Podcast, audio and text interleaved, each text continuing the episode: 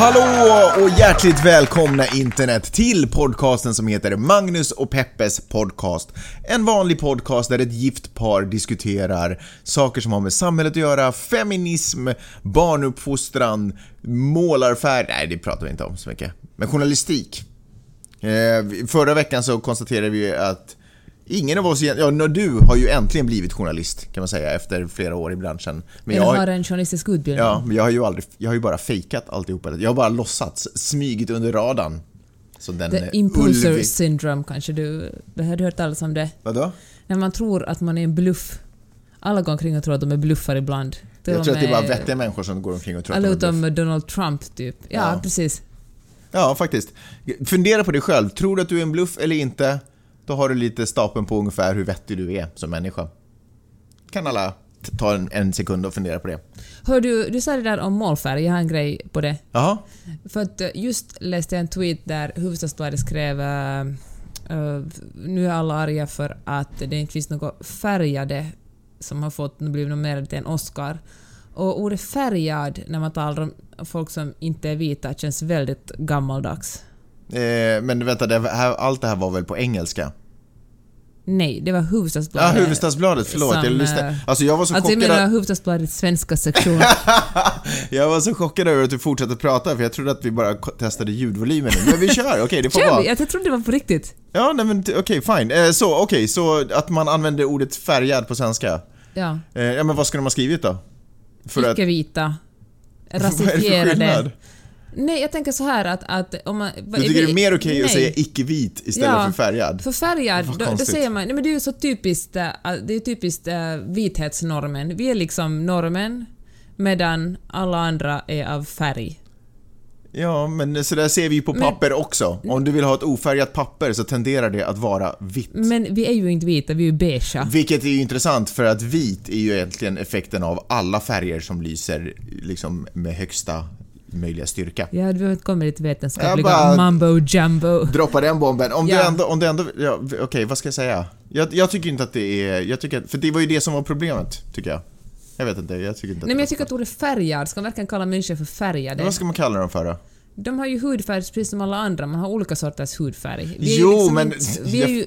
Jo, men huvud... Kom igen, ja, fine. Men Hufvudstadsbladet sitter ju inte och... De satt ju inte och filosoferade kring färgade män, egenskaper på färgade människor. Utan de diskuterar ju om att ingen... Eller de uppmärksammade att ingen... Syftet var gott, ordvalet var fel, säger jag. Plus att jag tror att det där är en direkt översättning över en diskussion som har pågått i USA. People of color, du vet. Att det är på något sätt sånt. Att de bara drog det rakt av. Okej, okay, men jag tänker att de är journalister, de måste ju ändå sätta på något sätt standarden för vilka ord vi använder. Ja, okej, okay, fine. Nu när du har ältat det där, när du ägnat. Ältat det där! Nej, men nu när du... Podcasten bara ältat. men nu när du har hjärntvättat mig här, ja. så kanske jag är lite benägen att hålla med. Det hade kanske funnits ett mer nyanserat. Eller kan man kanske istället för att uppmärksamma att eh, att ingen färgad har blivit nominerad skulle man ju kunna kanske konstatera att det var bara vita som, som nominerades i år. Precis. Det är ju konstigt. Eller det har ju varit ett sätt att Exakt. Fair enough. Bra Tack. point Peppe. Tack Magnus. Får jag ta upp en helt random grej? Ja. Som jag har... Jag har inte sett det egentligen på någon nyhet men, eh, men snappade upp det plötsligt. Vet du om att det bara... Okej, nu är det ganska stora avstånd, men lite nordost ifrån där vi befinner oss just nu, på andra sidan bergen här borta, Santa Monica så är det en jättestor gasläcka som har hållit på ja. i tre månader. Som spyr ut gas i hastigheter av vulkaner. I tre månader. Alltså folk glider runt där, hästar också, och hundar. Och alla som, allt som lever, som har en näsa, går omkring med näsblod. Där borta. Vidrigt. Och så är det här um, SoCal, som är alltså då Southern Californias gasbolag. De bara, nah, vi, ska, vi håller på och försöker titta lite på hur vi kan göra det här. Det här är ingen fara, det här kommer lösa sig. Helt sinnessjukt. Tre månader har det spytt ut... Eh, va? Jag är chockad. Metangas är det tydligen.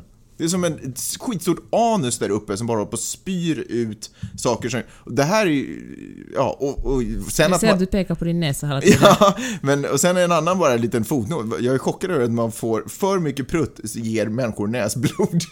Okej. Okay.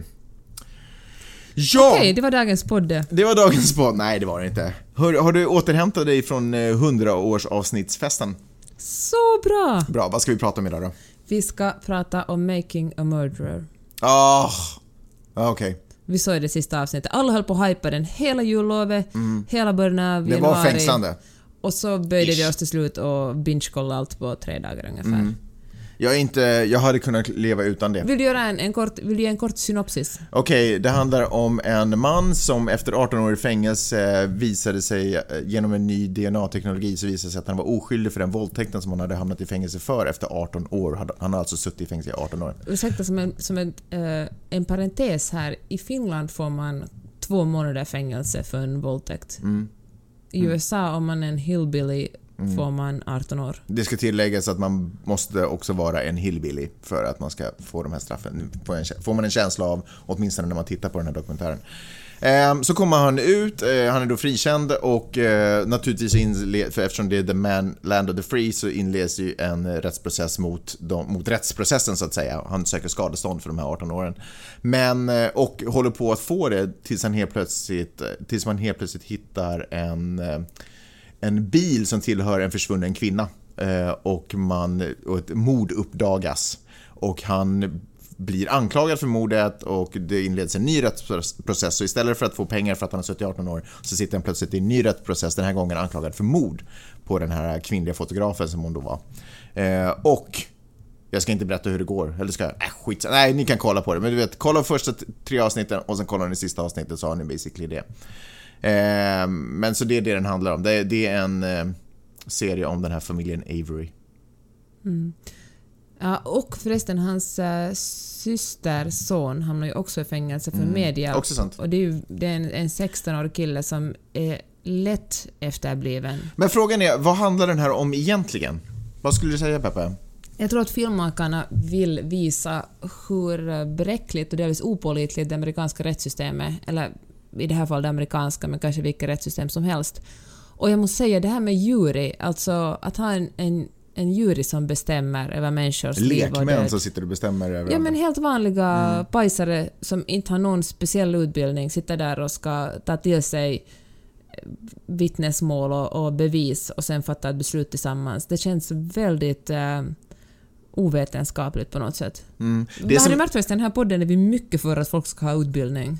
Eller bara bilda det. Men jag har, och grejen är att jag har inte alltid, förlåt sidospåret, men jag tänker haka på det. För att jag har inte alltid varit så. Jag har verkligen inte alls sett poängen med det. Men jag känner mer och mer eh, ju galnare folk beter sig, hur viktigt det är att tillhöra den eliten som är bildad. Och jag eh, är inte superbildad själv, men jag kan känna hur viktigt det är för mig att sätta in vidde på, den, eh, på det spåret. Eh, Ja, i alla fall. Ja, men i alla fall, så jag tror att det är syftet med den här eh, dokumentären, att visa hur, eh, hur opålitligt eller hur fel det kan gå i det här rättssystemet. Och eh, också visa hur, Lite, eller liksom hur svårt det är att försvara sig om man är fattig. För när mannen som är i fängelse, han är, liksom, han är fattig, han har liksom inga resurser att, att få en försvarsadvokat. Staten ger ju honom en försvarsadvokat, men när han vill över, överklaga domen så kan han göra det bara en eller två gånger och sen, sen är han körd. Sen får han sitta resten av sitt liv i fängelse. Han fick ett, man kan säga att han fick ett stipendium för att ha råd med de där advokaterna som han ens hade i början. Men vet du, jag håller inte med dig. Jag skulle inte säga att det är det den handlar om. Jag skulle säga att det här handlar inte om någonting egentligen. Det här är en, en eh, en vidareutveckling av thrillergenren eh, och av rätts... Eller men du vet, deckargenren egentligen ett mischmasch av deckargenren och dokusåpor. Det här handlar inte om någonting, det här handlar om att underhålla människor och genom att gotta in sig i en annan människas livsläge. Det är ganska, det är svårt att sitta och fokusera, eller när man tittar på den här så, så är det svårt att hela tiden förstå att det här är verkligt därför att det är så dramaturgiskt uppbyggt, det är cliffhangers i slutet på varje avsnitt, bam det här händer, bam det här händer. Så det är nästan som att det här, det här skulle kunna vara en manusskriven serie. Eh, men eftersom den är verklig så tycker jag att den är ganska obehaglig på det sättet. För vi sitter och, man sitter och ehm, lider naturligtvis, men också som dokumentärskapare så tycker jag att de har, för det är väl ett par brudar som har gjort den, eller kvinnor som har gjort den här. Eh, och de liksom på något sätt gottar sig i alla saker som har gått fel och hur otroligt olycklig den här situationen är. Jag säger inte att de har fel, men det är på något sätt ett för... Socialporr? Liksom. Ja, för dokument... Ja, det är socialporr. Jag tycker att den är... Vänta, vad fan, det var någon som sa det. Ett, ett... Oh, jäklar, det var någon som hade en jättebra beskrivning på det där. Om det var något reality thriller porno eller något sånt. Mm. Men, eh, ja. Fast jag tycker nog det är ganska tydligt med sitt budskap ändå. Att uh, det här, vårt rättssystem är inte riktigt rättvist. Nej, ja men det är det ju. Sen kan jag hålla med om att det, det här är liksom en tydlig fortsättning på... No, såklart var det ju Serials som började den här... Det har gjorts Fast den är lite tidigare. annorlunda ändå, för där, den tycker jag fallerar på att vi följer en journalists arbete och det är storyn. Eh, en, en, en riktig journalist på Hufvudstadsbladet hade skrivit artikeln när, när Serial slutar, om det var så att han var frikänd eller mm. att man hittat bevis på något sätt. Inte gör en artikelserie om det journalistiska arbetet. Sen tror jag att man som tittare måste komma ihåg att de som gör en dokumentär inte nödvändigtvis är journalister. Kanske man måste se det som någon slags... Äh, ja, de är ju historieberättare. Ja, ja det är de berättar en historia. Det är, mm. Men också men att det heter dokumentär, den är ju liksom dokumentär för det handlar om riktiga människor. Men det betyder ju inte att det är någon slags um, objektiv, ingen, inte ens journalister kan vara objektiva, men att liksom, det är ingen den är vinklad för att den ska vara dramaturgiskt intressant och mm. för att vi skulle vilja se den och det liksom, de har ett speciellt syfte med den. Jag tror att det som, måste man komma ihåg som tittare. Och det gör väl folk nog också. De fattar ju att inte kan man visa precis allt material. Jag menar, det är ju år av, av rättsprocesser. Man kan ju liksom inte potta in allting. Mm. Och då tänkte jag på, äh fan jag spoilar den här, stäng av ni som inte vill veta hur det slutar. Men, men, men vänta, gör Okej, okay, säg det. Fast inte spoila. Men om jag, de som inte vill höra det har redan stängt av. Okej. Okay. Smart. Hej då alla lyssnare! Okej, nu jag spoilar inte. Men jag menar i alla fall när, när, ehm, när man blir överraskad över hur eh, juryn beslutar sig för. Mm. Då är man som tittare sådär ”What?” Men då handlar det ju också om att de, de, de vittnesmål och den bevisföringen som man som tittare fått ta del av är ju det som regissörerna har bestämt sig för att man ska mm. ta del av. För de berättar en historia, man har liksom kanske inte alls upplevt själva processen på samma sätt som eh, som eh, åklagaren eller just de sitter i, i jurybåset. Förstås. Men, eh, men förstår du varför den har blivit så populär? Det är det, är det enda som folk talar Ja, därför att den är fängslande och därför att den har ju alla saker som en, en bra TV-serie har. Den har ju orättvisan, eh, David mot Goliat-kampen på något sätt. Kommer den svaga vinna över den stora? Man, man vill ju och man hoppas ju på det liksom. Eh, så den har ju alla ingredienser i ett, ett fantastiskt skådespel. Och jag tror att det är så många ser den som ett fantastiskt skådespel, hur äcklad man än blir, man blir berörd, kanske man till och med gråter, kanske man inte gör det, men, men på något sätt så är det svårt att titta på den utan att vara berörd.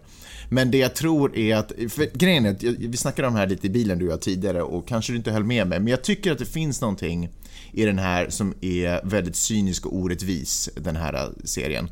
Eh, och det är det att den liksom låtsas, eh, jag tror att de har fasiken ska jag beskriva det här? Jag tycker att istället för att eh, bjuda in mig Ah! Hur fasiken ska jag säga? Jag tycker att den här distanserar en från de verkliga problemen. Jag tycker att det är så otroligt mycket fokus på eh, de här mångt och mycket ganska tragiska människornas liv. Eh, och då menar jag egentligen alla medverkande i den här serien.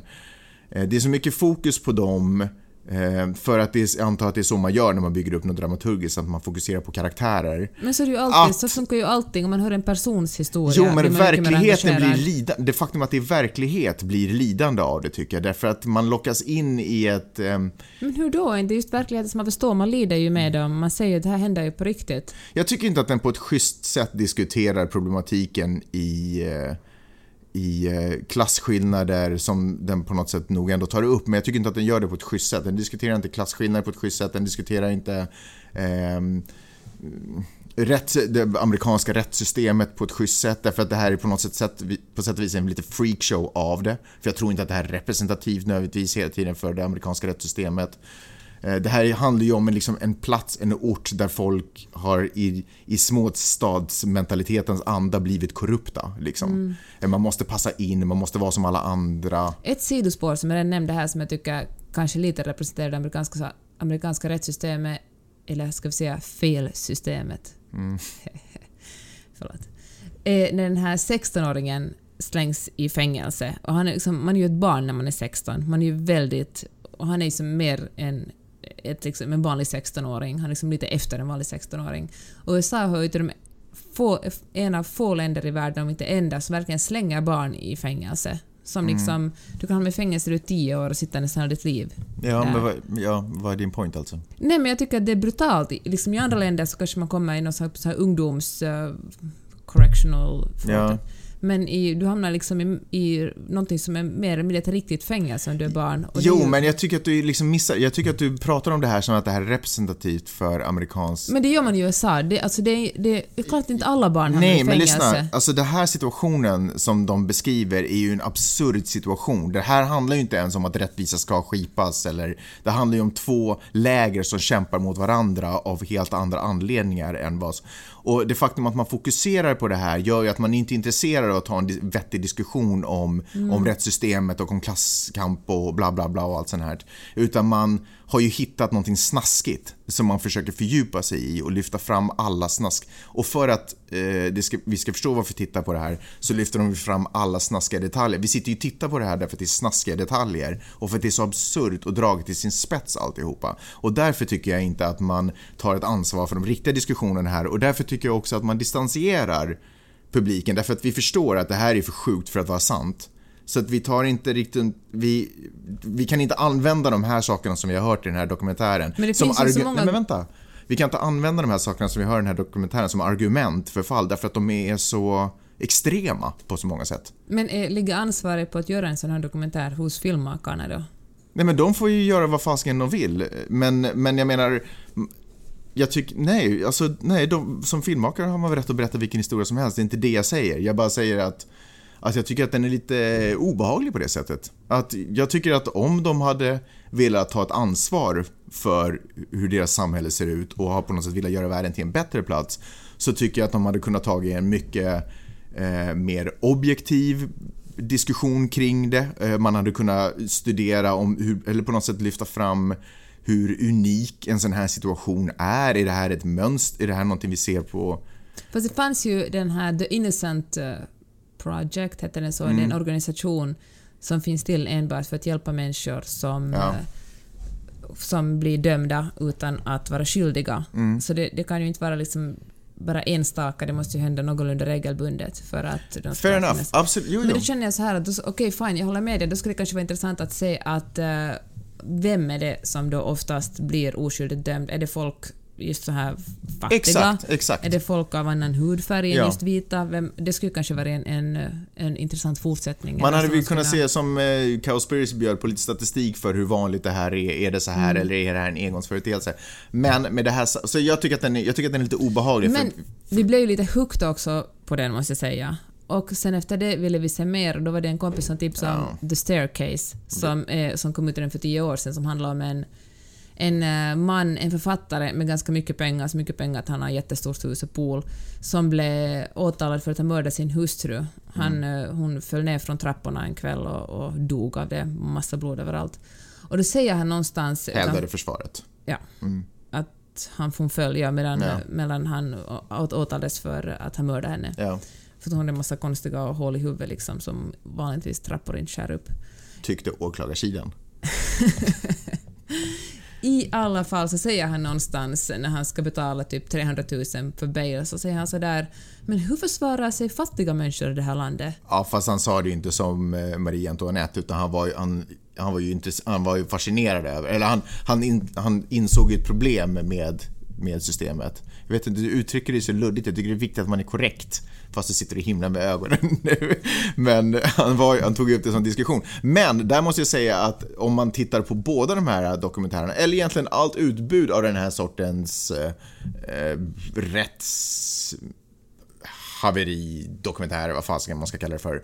Så då är det intressant, där tycker jag att det, kan, där är det intressant, för där bör man ju se skillnader just hur till exempel, precis som du sa, hur bra det går för den ena och hur dåligt det går för den andra. Och vad beror det på? Liksom vad, det, där tycker jag det är intressant. Men kanske det är bara för att du ligger i början ännu av den här supertrenden med eh, med dokumentärer kring brottsmål. Mm. Kanske vi kommer att komma till en mer avancerad nivå snart. Men observera att den här andra serien som vi kollar på så kollar vi på de två, tre första avsnitten. Sen sket vi allting annat och tittar på det sista. Därför det, det, allt det där i mitten ger ingenting till en människa som är intresserad av ämnet, tycker mm. jag. Ja, true that. Bra! Slutar den här diskussionen med att vi höll med varandra? ja, tills vidare. Dåligt för lyssnarsiffrorna. Okej, okay, berätta. Uh, jag skulle tala om en uh, kolumn som uh, Mikael Sjövall skrev i, han är kommunikationschef i finansbranschen. Naja. Han skrev den i Hufvudstadsbladet. Vi kan sätta upp den här på vår flipboard så kan andra människor också läsa den. Jag gör det nu. Bra. Och den handlar då om att han tycker att nu får det räcka med det här daltande av uh, olika kulturer. Han säger så här att, att uh, Helsingfors stad meddelade nyligen att det är fritt fram för alla muslimer som jobbar i stadens skolor och daghem att klä sig i niqab, slöja och hijab om den egna övertygelsen så kräver det. Och så skriver han så här, han tycker inte att, han tycker att den politiska korrektheten har gått för långt. Att vi ska, att, att eh, bara för att vara politiskt korrekta så då trampar vi på jämställdheten och eh, vi indirekt förtrycker kvinnor. Och så skriver och det är väl sant? Och så skriver han till och med så här att det måste gå att säga att kvinnlig omskärelse och polygami är oacceptabelt utan att bli stämplad som rasist. Och det är kanske just den här meningen som jag lite har, eller inte ens lite, som jag hakar upp mig jävligt mycket på. Mikael Sjöwall, vem har kallat någon för rasist för att vara... För, jag menar, finns det någon som är för omskärelse? Ja. Och vem har blivit sagt att hej, jag är emot omskärelse, rasist? Alltså att man... Det är som kvinnlig omskärelse, vi talar om manlig faktiskt. Ja, nej, han, fast han syftar ju på att vara lite rättvis mot, mot kolumnen tycker jag, för han syftar ju på att man inte får kritisera andra kulturer och så fort man kritiserar andra kulturer så då löper, löper man risken att bli kallad för rasist. Men av, han skulle ju liksom, kunna... Det är ju ett väldigt, väldigt dåligt exempel i så fall. Nej, han sparkar också... ju in lite öppna, och jag tycker att det går liksom... Det, han går lite de, de, de ärend, deras ärenden som säger just använda ord som PK-eliten, som i och för sig själv också använder här i den här, att den svenska PK-eliten har nu äntligen måste ta ett steg tillbaka för att nu börjar Sverige sätta ner foten. I Göteborg meddelade staden nyligen att det inte är lämpligt att stadens personal använder sig av slöjor som täcker ansiktet. Mm. Och uh, hoppas... Ja. Och jag tycker att... Uh, men alltså han reagerar ju på ett problem där han tycker att okej, okay, så fort man pratar om eh, så fort man tar upp diskussionen om eh, kvinnor ska få, eller ska ha rätt att eh, bära hijab då till exempel, så de som är mot det blir genast borttacklade som om de vore rasister fast de bara vill ta upp den som, till diskussion. Och vem är det som tacklar bort dem undrar jag också. Det, nu, då sprider ja, då, man också en myt om att det finns någon slags PK, att det finns liksom just den här PK-maffian som bestämmer över allt. Jag tycker att till exempel i Finland är nog inte problemet det att folk ska vara för politiskt korrekta. Eh, nej, det är kanske sant i och för sig. Fast Eller att det är majoritet för, Men bara sätt. för, att man inte kan, bara för att man inte kan namnge människor som skulle, mot, som skulle bli upprörda skrivare så betyder det inte att man kan ha en känsla av att det finns någon form av grå massa som uttalar sig på bloggar. Jag, jag är ganska säker på att du skulle vara ganska snabb att skriva någonting om. Du skulle kunna vara en av de människorna som skulle i princip kalla honom, eller antyda att det är lite luddigt och att, han, att det är lite rasistiskt tänkt att man inte skulle få ha på sig hijaben och liknande. Jag menar det finns ju, bara för att man, som sagt, bara för att man inte kan namnge så betyder det inte att det inte finns Ja, en, Fast det är svårt en liksom. Röst. Jag tycker när man, när man talar om de här, så här osynliga motståndare så blir det, då kan man lätt få dem att växa till att verka som om det ska vara en majoritet. Jag tycker det är lite Men vad tycker du om sakfrågan då? Jag tycker att jag tycker det är idiotiskt att kalla någon som, som äh, motsätter sig kvinnlig omskärelse för att det här argumentet, som, förlåt jag måste läsa den Det måste gå att säga att kvinnlig omskärelse, polygami är oacceptabelt utan att bli stämplad som rasist. Ursäkta nu, what the fuck, liksom. Fast det, det är ju en, det är inte en mening, det var inte den enda meningen han skrev i kolumnen. Det är ju en mening som syftar på att han upplever att ingen ser det som ett problem att, att kvinnor bär eh, slöja. Men, liksom. han, men för det första det här... Han gör ju en liknelse. Nej. Det är sen, en liknelse Sen där. måste han ju också se skillnad på, det är stor skillnad på, på niqab, hijab, burka och olika sorters slöjor. Alla kvinnor som har, har slöjor är absolut inte förtryckta. Det är samma sak som att säga att jag är förtryckt för att eh, jag inte får gå med bara överkropp på sommaren när det är hett ute, men du får gå och göra det. Mm. Men det här... är, jag, är jag en förtryckt kvinna därför, eller? Ja, är du det eller är du inte det?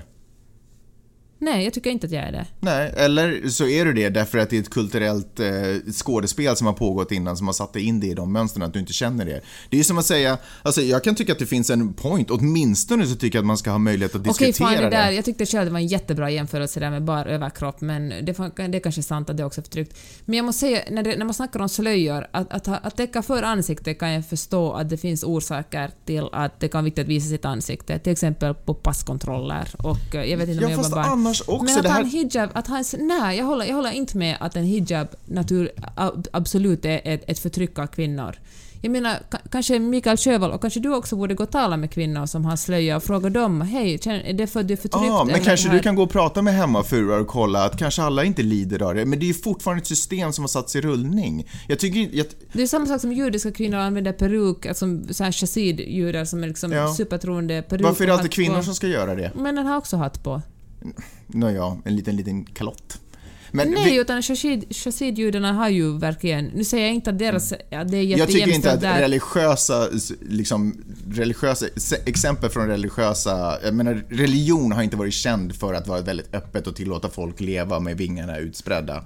Alla de Fair här, enough. alla de här sakerna är ju liksom sätt att kontrollera och begränsa människor. Fast jag tycker vi måste säga också när vi, när vi snackar, vi sitter här i vårt västerländska samhälle och talar om, om andra, andra kulturer, så det är på något sätt lätt för oss att säga att jag har bestämt mig för att du inte får ha slöja för att jag har bestämt att det är förtryck. Ja, men samma Men sak gör ju det- du. Du säger att jag har bestämt mig för att det är, man ska få ha det, att, man, att det är inte alltid så att det är så. Men det är det jag pratar om. Jag pratar ju om att tillåta sig att ha diskussionen. Men nu har ju Helsingfors eh, stad varit så otroligt nervösa för alla de här diskussionerna att de har bara bestämt sig för att det ska vara okej därför att de är rädda för att bli klassade för rasister bara för att man förbjuder ett kulturellt det? Tänk uttryck. om de har diskuterat det. Det står väl ingenting i den här kolumnen om de har diskuterat det inte. Kanske de har haft jävligt långa diskussioner där de till och med har involverat kanske muslimer och kanske. frågat hej, är det här ett förtryck eller är det här ett sätt för er att klä er? Mm, det har du helt rätt i. Jag menar...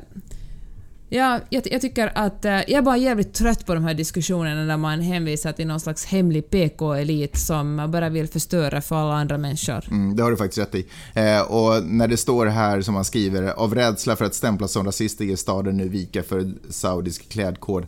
Eh, och jag menar, jag vet inte var den faktan kommer ifrån. Står det i deras uttalande, hej, vi har på grund av rädsla för att bli klassade som rasister bestämt oss för att. Jag, jag är tvek, tveksam till det. Du har säkert helt rätt, de har säkert haft eh, mycket prat och mycket snack. Men med det sagt, så skulle, vadå? Men med det sagt så skulle jag, vill, vill du flika in någonting eller? Nej. Nej.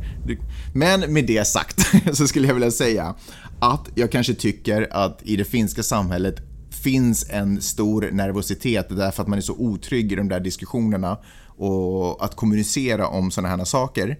Eh, bra exempel gav du i början på den här podden där eh, Hufvudstadsbladet har skrivit att eh, icke-svarta, eller vad säger jag, eh, färgade, Färgade. färgade ja.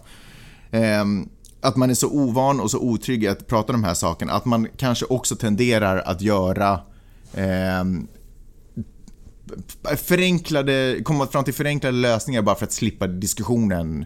Eh, så kan jag tänka mig. Så det här som han pratar om, visserligen riktade sig till Helsingfors stad, jag vet inte hur ins, vilken insikt han har i deras processer, hur de har kommit fram till sina beslut. Men jag kan ändå tycka att, att, det är, att jag känner igen det här.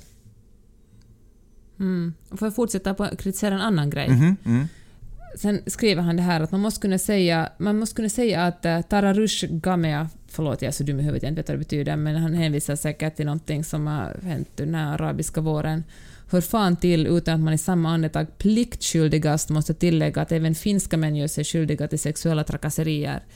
Och nu hänvisar han ju säkert till den här diskussionen om det som hände på nyårsnatten både i Köln och i eh, Helsingfors där män då inom citationstecken med nordafrikanskt utseende har tafsat på en massa kvinnor. Och det är, klart, det är klart att det finns länder som är mindre jämställda än Finland, men det är så otroligt... Alltså jag vet att jag talade om det här i den förra podden, men jag måste säga en gång, för det stör mig så otroligt mycket att så många finländska män har varit helt, har varit helt ointresserade av sexuella trakasserier.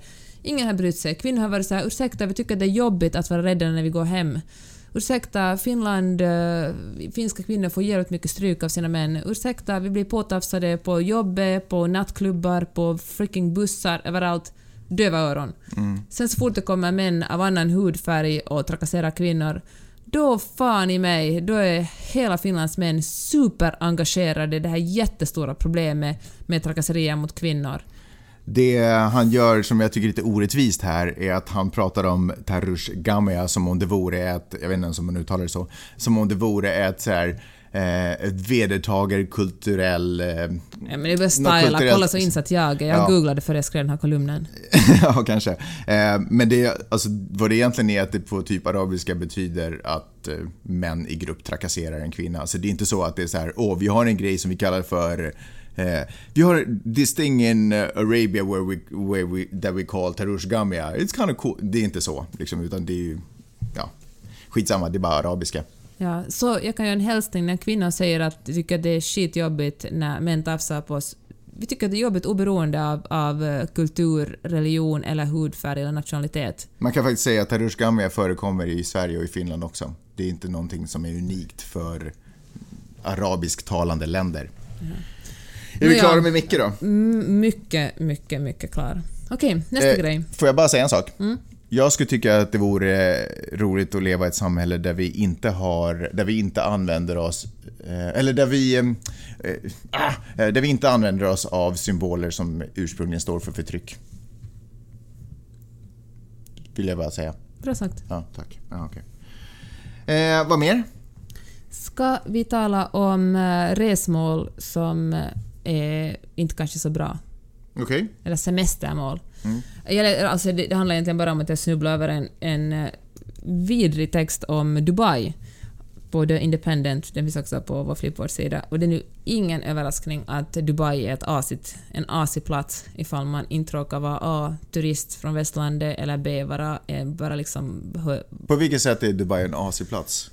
För att uh, Dubai... No, för att om, nu kastar jag supermycket sten i mitt eget lilla glashus, för förra december bodde jag hos min kompis Karin som bor i Dubai. Hon flyttade mm. dit för några år sedan och så bjöd hon dit mig och så hälsade på. Men jag, så här, jag sätter med egna ögon och jag tycker det är en vidrig plats. För, det är en vidrig plats för att eh, för det första finns det ju inget som helst miljötänk. Det är verkligen den hetaste platsen på jorden och då är det så här skidbackar inomhus i jättestora malls och liksom eh, alla åker jättestora bilar och airconditioning och så är det ändå så pass kallt på nätterna så man värmer upp poolen och, air, och har airconditioning fullt på inne och du, det är bara en katastrof. Och ingen är riktigt intresserad av, av, att använda solenergi för att alla tänker så kortsiktigt. Det är så billigt att bygga hus där, berättar min väninna Karin Sman Rasmus som är diplomingenjör. Han höll ett litet föredrag mm. för mig om det här. Men jag sa att, att, det, skulle, att eh, det är en så pass dyr investering att, att köpa solpaneler och folk tänker så kortsiktigt som man gör inte helt enkelt. Och därför bygger man slarvigt ganska... Husen byggs jätteslarvigt som läcker jättemycket luft vanligtvis. Alltså därför måste man ha på airconditioning jättehårt hela tiden. Men det är för att bygg, det, det, man räknar inte med att hus ska hålla högst 15-20 år, men arbetskraften är så billig så då bygger man bara... Man sen river man det och så bygger man ett nytt hus. Och eh, arbetskraften är så billig för den kommer mycket från Pakistan och Bangladesh och andra riktigt superfattiga länder. Och då kommer arbetare dit för att jobba några år för de blir lovade att få jäkligt bra med lön för att jämföra med vad de får hemma. Men i praktiken så tar man deras pass och så måste de jobba i, i liksom eh, idiotlånga dagar i vansinnig hetta. Karin berättade att, att det finns en sån här lag som säger att när det är varmare, nu kommer jag inte ihåg om det är, 45 eller 50 grader, så då får, då får, då får de inte jobba. Liksom. Då måste till och med de här, den här eh, inflyttade arbetskraften vila.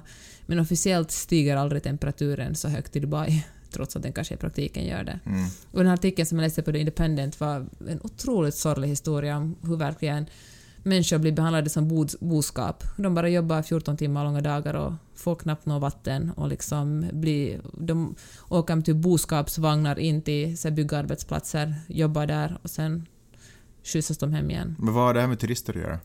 Nej, jag menar bara att varför ska vi undra att vi kommer dit med våra pengar och göra det landet ännu rikare?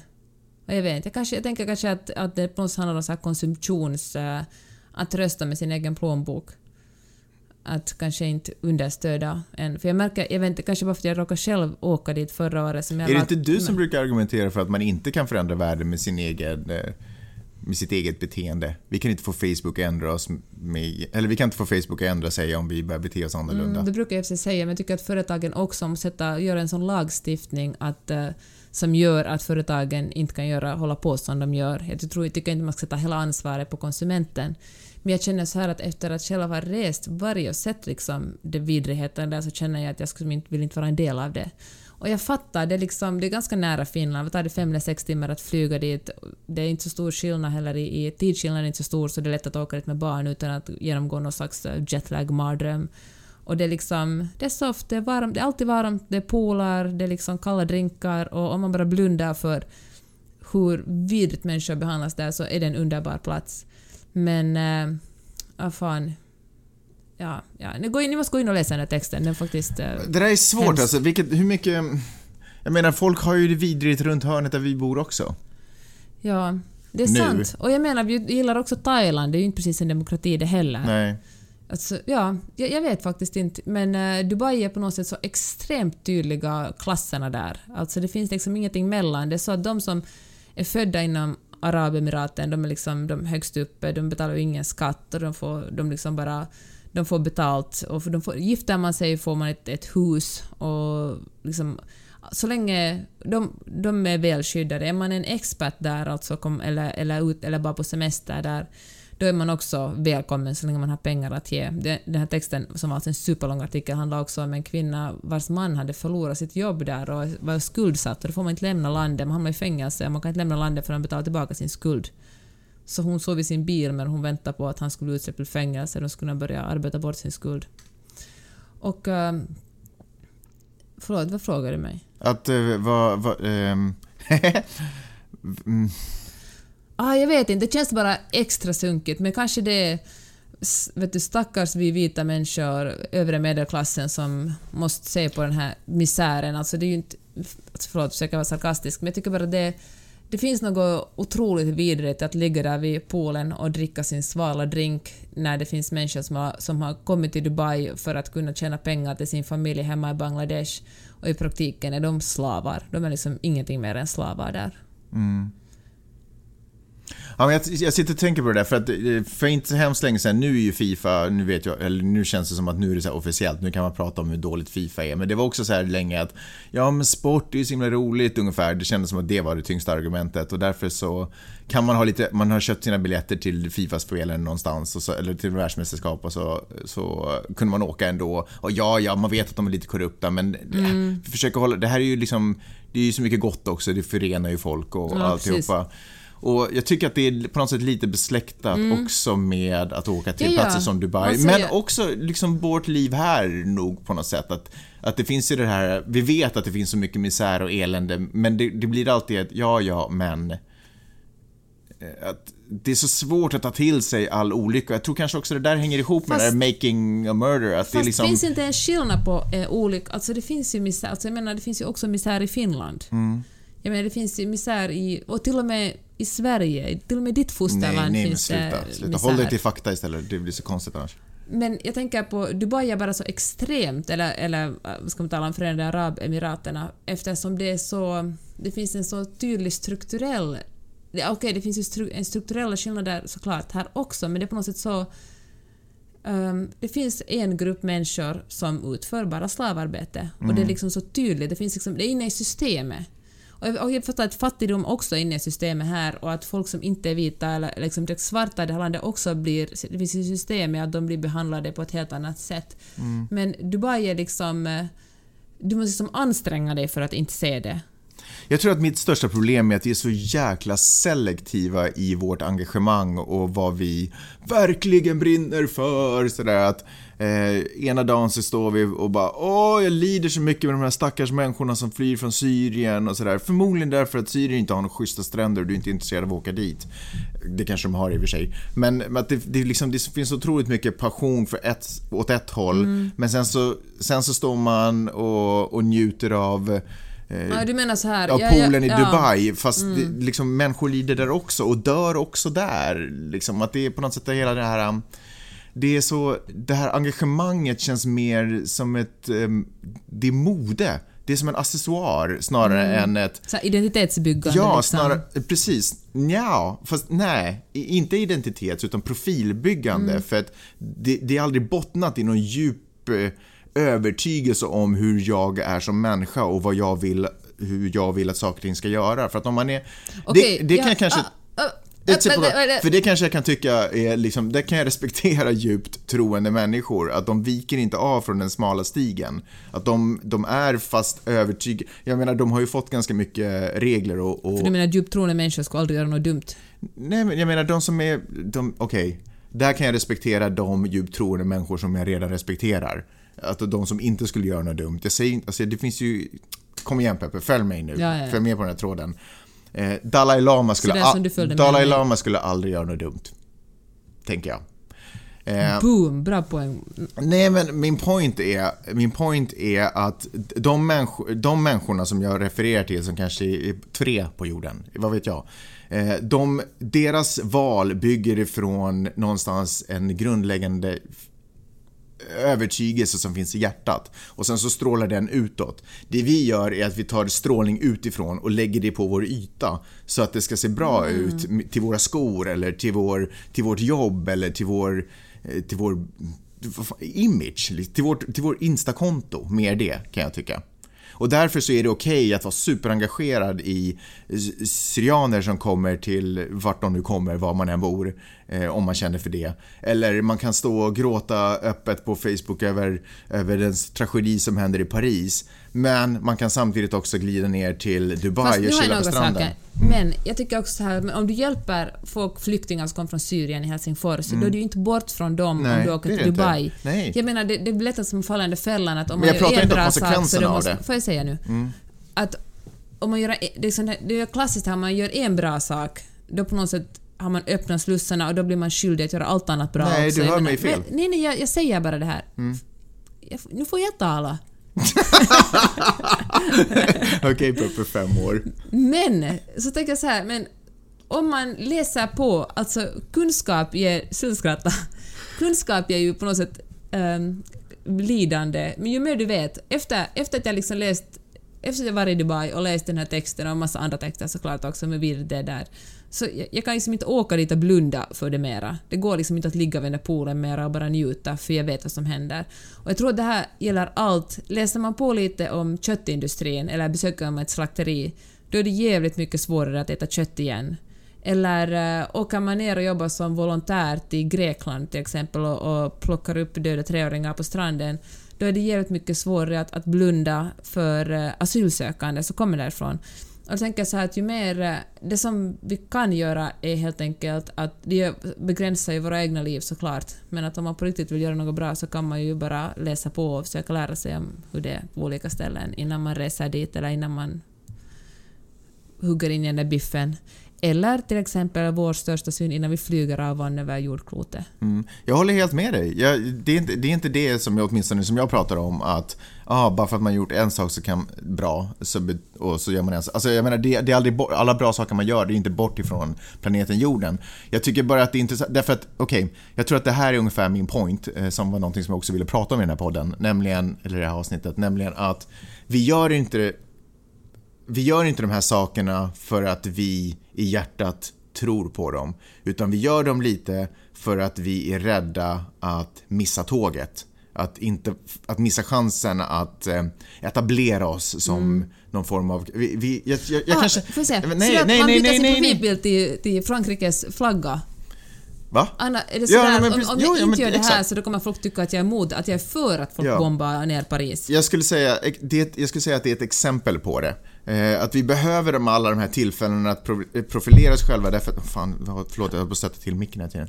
Vi behöver de här tillfällena att, okej, okay, jag känner att jag ibland behöver de här tillfällena att profilera mig själv Därför att jag kan, och det kanske bottnar i, jag försöker vara lite filosofisk här nu, det kanske bottnar i någon form av osäkerhet vem jag är och vad min funktion är på jorden. Så jag försöker göra lite goda saker här, men eftersom de inte bottnar i min... Min... med, min, ah, de liksom bottnar inte i någonting verkligt kan jag nästan känna i hjärtat. Så därför kan jag också göra andra saker som är helt liksom uppåt väggarna. Därför att det, det är inte baserat i en, en övertygelse om hur vi respektfullt ska, bortsett från de fallen då man inte visste att man fuckade upp någons liv fine. Men jag menar de tillfällen då man de facto vet det. Och då tänker jag att eftersom det här bottnar på något sätt snarare i en rädsla att inte har tagit tillvara på chansen att göra någonting rätt eller göra någonting bra så tror jag att det också korrumperar oss på något sätt och därför blir vi selektiva och lite noggrannare i vad vi ska göra för drag, för strategiska drag, liksom nästan inom situationstecken. Och då har jag tänkt ganska mycket på hur just det här rädsla och osäkerhet korrumperar. Och, och, det tycker jag absolut visas i den här Making a Murderer. Eh, därför att det är ju det som har satt, skapat hela skiten. är ju för att människor har eh, gjort fel och blir rädda för att bli ertappade för det felet. Vem som än är skyldig egentligen. Och, och, när man, och, och den här jäkla gasläckan här ute. Är ju, det är klart att de inte erkänner att det är någonting som är galet fast folk springer runt med näsblod liksom rinner ur näsan. Därför att de är rädda för att bli av med jobbet eller rädda för att företaget ska åt pipsvängen så tusentals människor blir av med jobbet. Jag menar, och det kan ju komma från en ansvarskänsla till och med. Men den här rädslan korrumperar dem. Så länge vi hela tiden är rädda så kommer vi inte vara kapabla att göra, fatta det rätta beslutet. Därför att vi kommer vara så stressade över situationen så vi kan inte liksom lugnt. Jag tror att alla, hemskt få människor som har pekat på Eh, om man satte sig ner och pratade med dem om allting som händer i Dubai, som har varit, sprungit omkring på Dubais stränder. Hemskt få av dem skulle vara så här, ja, det var värt det det de flesta tror att om man sätter sig ner och lugnar ner situationen och pratar med dem så skulle de vara sådär, okej, okay, så ska vi inte ha det. Men, men man är så stressad för att missa allting som är liksom för att missa saker och ting, så man måste göra allting och ibland blir det bra, och ibland blir det dåligt. Och det som man har gjort bra är inte bort från någonting, men det som man har gjort dåligt var onödigt. Hajar du vad jag menar? Mm. Det var det. Det var det. Är vi klara? Okej, okay, tack för att ni har lyssnat. Du har så sjukt mycket i den här podcasten igen. Jag? Ja. Eller du? Du. Vadå du? Du själv pratade ju. Du hade någon dum föreläsning där om eh, stackars Marcus som försöker, eller vad heter han, som försöker skriva en kolumn och uttrycka sin åsikt. Du bara skjuter så fort. Ja, någon måste göra det. Det där är anledningen till att folk inte vågar uttala sig. Vadå folk? Snacka om dig själv. jag skojar bara. Hörni, Hörni underbara, tack för att ni har lyssnat. underbara människor. Jag vill också säga det. Tack så hemskt mycket för att ni har lyssnat. Eh, ni vet att ni kan kontakta oss om ni har några frågor.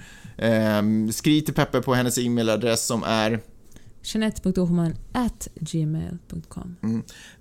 Glömde ni bort den hittar ni den säkert på jeanetteohman.com. Gick ni? Bra. Det betyder inte sant på finska, jag försöker bara droppa lite bomber här. Eh, gå jättegärna in och likea oss, ni vet, visa kärlek, sprid ordet om den här podcasten och tack än en gång för att ni har lyssnat. Hejdå!